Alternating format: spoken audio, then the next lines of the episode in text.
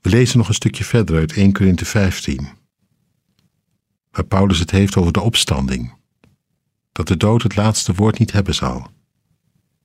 Hij schrijft dan het volgende: Wat ik bedoel, broeders en zusters, is dit. Wat uit vlees en bloed bestaat, kan geen deel hebben aan het koninkrijk van God. Het vergankelijke krijgt geen deel aan de onvergankelijkheid. Ik zal u een goddelijk geheim onthullen.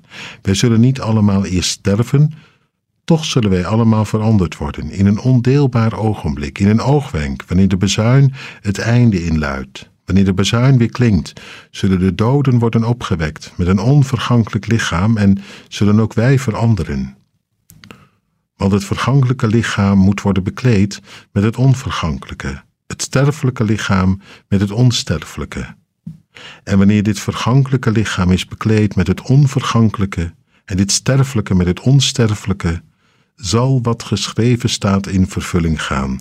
De dood is verslonden en overwonnen. Dood, waar is je overwinning? Dood, waar is je angel? De angel van de dood is de zonde. En de zonde ontleent haar macht aan de wet. Maar laten we God dank geven, die ons de overwinning geeft door onze Heer Jezus Christus. Vandaag leven we ook bevrijdingsdag tegemoet. Is morgen. Er zou veel over te zeggen zijn. Bevrijd van geweld wat dood en verderf zaaide. Goed dat dat herdacht wordt. Maar weet je wat het mooiste is? Het is niet alleen maar iets van het verleden.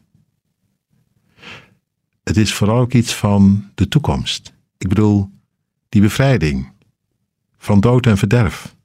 Van dat wat ons eronder houdt en vroeg of laat de baas wordt, de laatste vijand, die teniet gedaan wordt. Zo schrijft Paulus ook in dit hoofdstuk.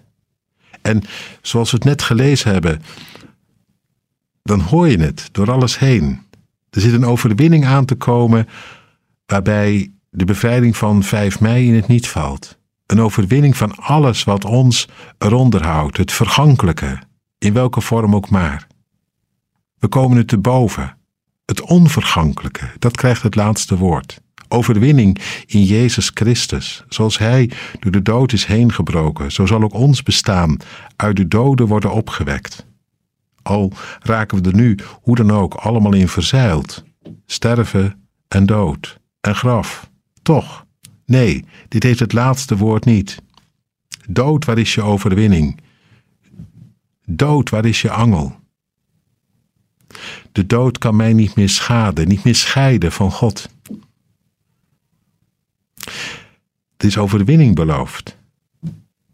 Over dat waar ik nu door word geveld. Ziekte, dood.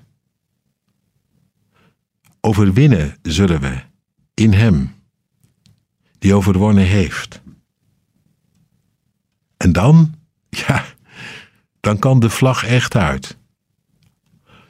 Als dit vergankelijke bekleed wordt met onvergankelijkheid, dit sterfelijke met onsterfelijkheid.